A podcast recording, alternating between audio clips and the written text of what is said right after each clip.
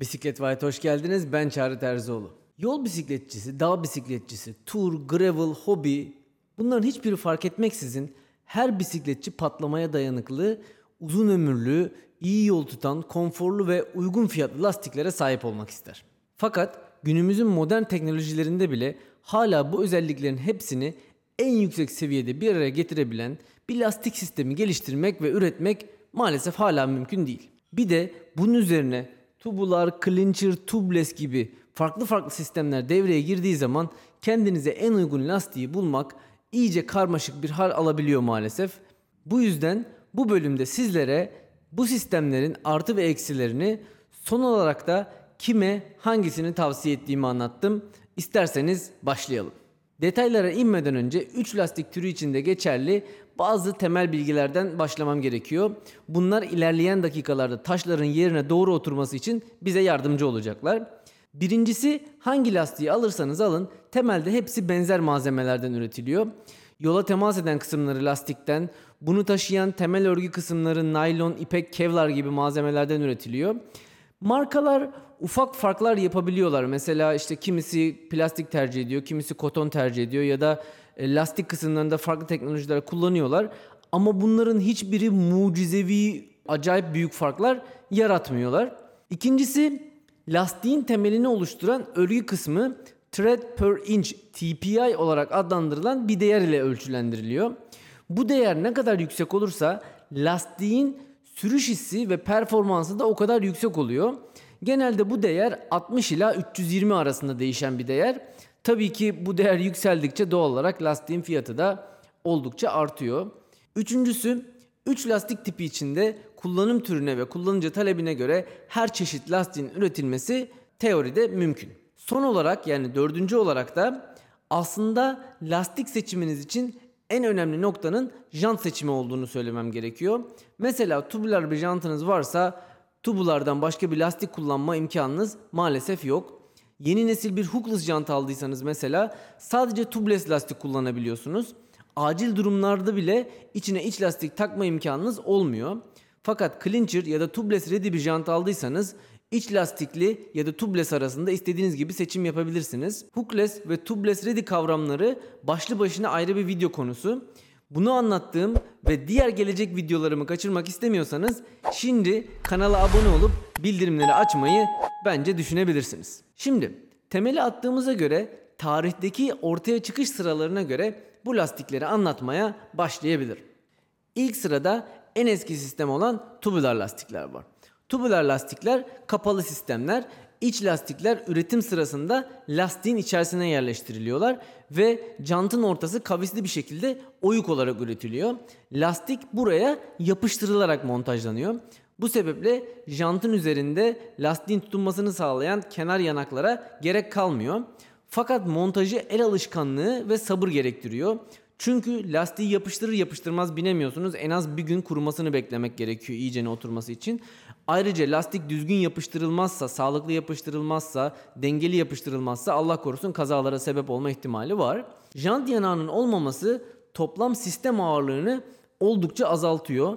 Tubular jantlar oldukça hafifler. Ayrıca jant frenli bisikletlerde yanaklarda bildiğiniz üzere fren sıktığınız zaman çok yüksek bir ısı ortaya çıkıyor ve klasik sistemlerde zaman zaman bu iç lastiğin patlamasına sebep olabiliyor.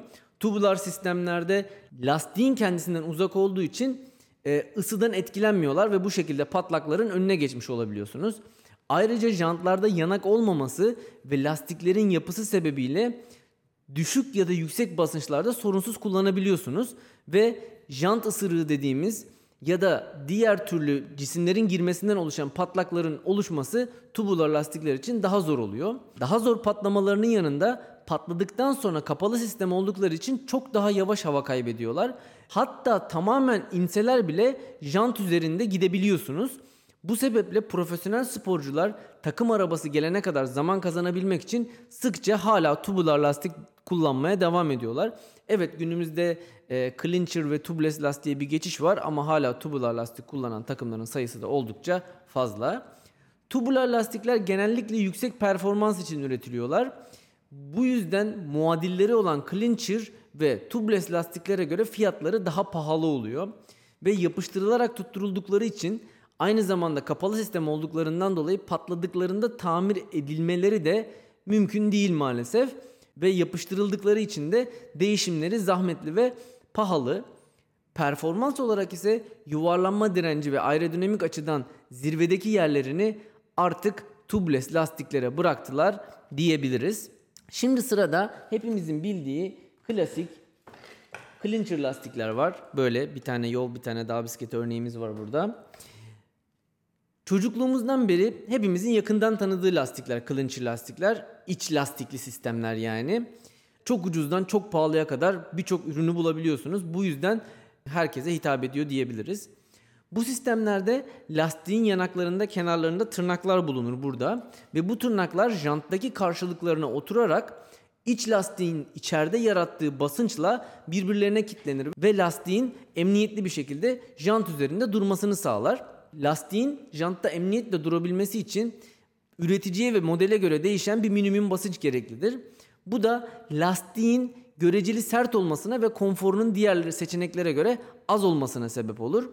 Aynı zamanda içindeki iç lastik ve bu basınç lastiğin sert olmasına sebep olduğu için muadillerinden daha az yol tutuşa ve daha düşük bir sürüş kalitesine sebep olur diyebiliriz. Tabii ki bunu daha yumuşak, daha kaliteli, daha yüksek TPI'ye sahip lastikler kullanarak ve bunları daha hafif ve yumuşak iç lastiklerle kombine ederek daha iyi sürüş kalitesi, daha düşük yuvarlanma direnci ortaya çıkarabiliriz.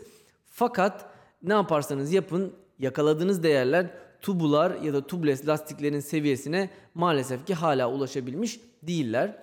Ee, bunun yanında aynı lastiğin tubeless, tubular ve clincher yani iç lastikli versiyonlarını karşılaştırdığınız zaman clincher yani iç lastikli sistemler maalesef ki patlamaya karşı en az dayanıklı olan sistem. Burada tabii ki koruması daha yüksek olan lastikler tercih edebilirsiniz eğer istiyorsanız. Fakat daha yüksek korumalı lastikler aldığınız zaman fazladan ağırlık, daha az yol tutuş ve daha az konforlu sürüşü de beraberinde satın almış oluyorsunuz. Konfor ya da yol tutuşu arttırmak için düşük basınçla kullanmak mantıklı bir çözüm olarak karşımıza çıkabilir. Fakat bu şekilde kullanırsak iç lastiğin jant ve dış lastik arasında sıkışmasından kaynaklanan jant ısırığı denilen patlaklar ortaya çıkabilir. Bu da sürüş sırasında yanınızda yedek iç lastik yoksa biraz canınızı sıkabilir doğrusu. Jant ısırığı ya da büyük yarıklar olmadıkça söküp takması ve tamiri en ucuz, en kolay sistem aslında clincher sistemdir bu bahsettiklerimiz içerisinde. Basit bir yamayla ya da iç lastiği kolayca değiştirerek patlağı giderebilir ve yolunuza devam edebilirsiniz. Piyasadaki hookless ya da tubular olmayan bütün jantlar clincher yani iç lastikli sistemler ile kullanılabilir. Bu da ne demek oluyor? Tubeless ready bir jant alıp geleceğe yatırımı şimdiden yapabilirsiniz. Tubeless kullanmaktan şu an için çekiniyor olsanız bile. Çeşitlerin sonuncusu olarak da tubeless lastiklerden bahsetmek istiyorum. Adından da anlaşılacağı gibi bu sistemde bu lastiklerin içerisinde bir iç lastik bulunmuyor. İç lastik kullanmanıza gerek kalmıyor. Bu sebeple tubeless ready ya da hookless bir janta sahip olmanız gerekiyor ki bu lastikleri sağlıklı bir şekilde e, monte edip kullanabilirsiniz. Bu sistemi kullanabilmek için temelde sıvı ve hava sızdırmayan bir jant yüzeyi ve sızdırmazlığı sağlayan bir sıvı yardımıyla uyumlu lastiklerin jantların yanak kısımlarına oturmalarını ve sistemin içerisindeki havanın içeride emniyetli bir şekilde tutulmasını sağlıyoruz. Eğer tecrübeli değilseniz ilk montajları biraz zaman alabiliyor, biraz kirli ve zahmetli bir iş olabiliyor. Fakat bir sefer monte ettiğiniz zaman uzunca bir süre sıkıntı yaşamıyorsunuz. Ayrıca bu sistemin kalitesi sadece lastiğin kendisine değil, kullandığınız janta, subaba ve kullandığınız sıvıya da büyük oranda bağlı. İçerisinde ekstra sertliğe sebep olan bir iç lastik olmadığı için daha düşük basınçlarda kullanılabiliyorlar. Bu da yol tutuşun artmasına, konforun artmasına ve performansın artmasına büyük katkı sağlıyor. İç lastik olmadığı için de jant ısırığı gibi bir patlakla da karşılaşma ihtimaliniz tamamen ortadan kalkmış oluyor. İçerisine konan sıvı sürüş sırasında küçük patlakları zahmetsizce kapatabiliyor. Siz farkına bile varmıyorsunuz çoğu zaman. Biraz daha büyük patlaklar ise çok acil durumlarda, çok gerekli ise bu arabalarda ya da motosikletlerde kullanılan daha ufak boyuttaki fitillerle kolaylıkla tamir edilebiliyorlar. Ee, burada dikkat edilmesi gereken konu ise lastiğin içerisine konan sıvının 5-6 ayda bir tekrardan yenilenmesi, üzerine ilave yapılması gerekliliği ve zaman zaman subabın açık olduğunun, içinden hava geçebildiğinden emin olmamız gerekliliği. Çünkü bunlar tıkandığı zaman yolda kaldığınızda hava basmanız gerektiğinde sıkıntı yaşayabilirsiniz. Aynı lastiğin tubeless ve clincher versiyonlarını karşılaştırdığımız zaman içlerindeki sıvı ve havayı tutabilmek için tubeless lastikler sahip oldukları ekstra katmanlar yüzünden bir tık daha ağır olabiliyorlar. Son dönemde hookless jantlar var. Bu jantlar oldukça hafifler eski klasik tubeless ready jantlara göre. Bu sistemin toplam ağırlığını oldukça düşürse de lastiklerin kendisi hala clincher lastiklere göre genellikle ağırdır diyebiliriz. Artık lastik türlerini tanıdığımıza göre 3 ana başlıkta bunları bir karşılaştırmaya sokabiliriz diye düşünüyorum. İlk olarak patlak korumasından başlamak istiyorum. Burada karşılaştırma yaparken 3 sistem içinde aynı seviyede patlak koruması ile üretilmiş lastikleri karşılaştırdığımızı vurgulamam gerekiyor. Yoksa her tür lastik için çok daha yüksek korumalı lastikler ya da çok daha az korumalı lastikler bulmak mümkün. Tabii ki bunun bedeli daha yüksek ağırlık olabilir. Daha çok koruma tercih ediyorsanız ya da daha hafif bir lastik tercih ediyorsunuz da daha az koruma ve daha yüksek performans olabilir. Baştan belirtmem gerekiyor. Şimdi Tubeless lastikler içlerindeki sıvı ve düşük basınç sayesinde patlaklara karşı en dayanıklı sistem aslında. Üstelik içlerinde iç lastikte olmadığı için jant ısırığı gibi patlakla karşılaşma durumunuz da yok. Bu özellikle dağ bisikletleri için çok önemli bir faktör. Sırf bunun için bile tubeless sistemini tercih edebilirsiniz aktif olarak arazide bisiklete biniyorsanız. Fakat patlaklar büyük olduğunda yani sıvı ya da yanında taşıdığınız fitil bu patlağı kapatamadığı zaman işler biraz çirkinleşebiliyor. Ortalık biraz kirlenebiliyor. Buna da baştan hazır olmanız gerekli. Yoksa yolda tamir edemediğiniz bir tubeless lastikle canınız oldukça sıkılabilir. Bunu da baştan belirtmeliyim. Patlak koruması olarak ikinci sırada tubular lastikler geliyor farklı basınçlarda kullanılabilmeleri onları patlaklara karşı biraz daha güvenilir yapıyorlar. Ayrıca patlasalar da daha yavaş hava kaybetmeleri ve hala sürülebilir olmaları onları ikinci sırada tutmaya yetiyor benim görüşüme göre. Tubular lastiklerdeki en büyük problem ise maalesef ki patladıkları zaman tamirlerinin mümkün olmaması. Evet içlerine sıvı doldurarak bir süre daha kullanmaya devam edebilirsiniz ama şunu diyebilirim ki lateks lastikler içlerine sıvı konmalarından pek de mutlu olmuyorlar ve sıkıntı çıkarabiliyorlar. Ayrıca değiştirirken işçiliğin pahalı olması ve malzemenin pahalı olması da bu sistemlerin birinci sırada yer almasına engel oluyor. Patlak dayanıklılığı açısından en son sırada ise iç lastikli sistemler geliyor. Özellikle aktif olarak arazide kullanıyorsanız jant ısırığı ihtimaliniz bu tür lastiklerde çok yüksek. Ayrıca genel olarak sıvı ile bile kullansanız patlaklarda çok hızlı hava kaybettiklerinden dolayı çok çabuk bir şekilde sürülemez hale geliyorlar. Tüm bunlara rağmen eğer içerisinde sıvı yoksa çok hızlı ve kolay bir şekilde ve minimum masrafla tamir edebiliyorsunuz. İç lastiği değiştirmeniz ya da basit bir yama yapmanız yeterli oluyor. Ee, ikinci olarak bu lastikleri performans açısından karşılaştırmak istiyorum. Tubeless lastikler günümüzdeki teknolojiye ulaşmadan önce tubular lastikler aerodinamik ve yuvarlanma direnci açısından çok daha başarılı grafikler ortaya çıkarıyorlardı. Günümüz koşullarında tubeless lastikler hem düşük yuvarlanma dirençleri hem de daha yüksek yol tutuş kabiliyetleri sayesinde performans beklentilerinizi en yüksek seviyeye çıkarıyorlar. Ayrıca bu lastikler genellikle daha ağır olsa bile yeni nesil hookless jantlar sayesinde ağırlık dezavantajının bir miktarda olsa önüne geçmiş durumdalar. Hala performans sıralamasında ikinci sırayı bana sorarsanız tubular lastikler almaya devam ediyor. Özellikle hem lastiklerin hem de jantların olağanüstü ağırlık avantajları bir araya geldiği zaman bol tırmanışlı yollarda kullanmanız gerekiyorsa ya da hafifliğin ön plana çıktığı bir bisiklet toplamak istiyorsanız tubular lastikler bana sorarsanız benim fikrimce benim tercihim olarak hala çok yüksek bir başarıya sahipler ve tercih edilebilir durumdalar. Performans açısından bakıldığında ise son sırada iç lastikli yani clincher sistemler geliyor. Evet günümüzde bazı pro takımlar clincher sistemler kullanıyorlar. Fakat onların kullanım koşulları ile bizim kullanım koşullarımız maalesef bir değil. Bunu tekrardan hatırlatmam gerekiyor. Clincher sistemlerde kullanılan iç lastiğin türü ve ağırlığı yuvarlanma direncini yani performansı direkt olarak etkiliyor.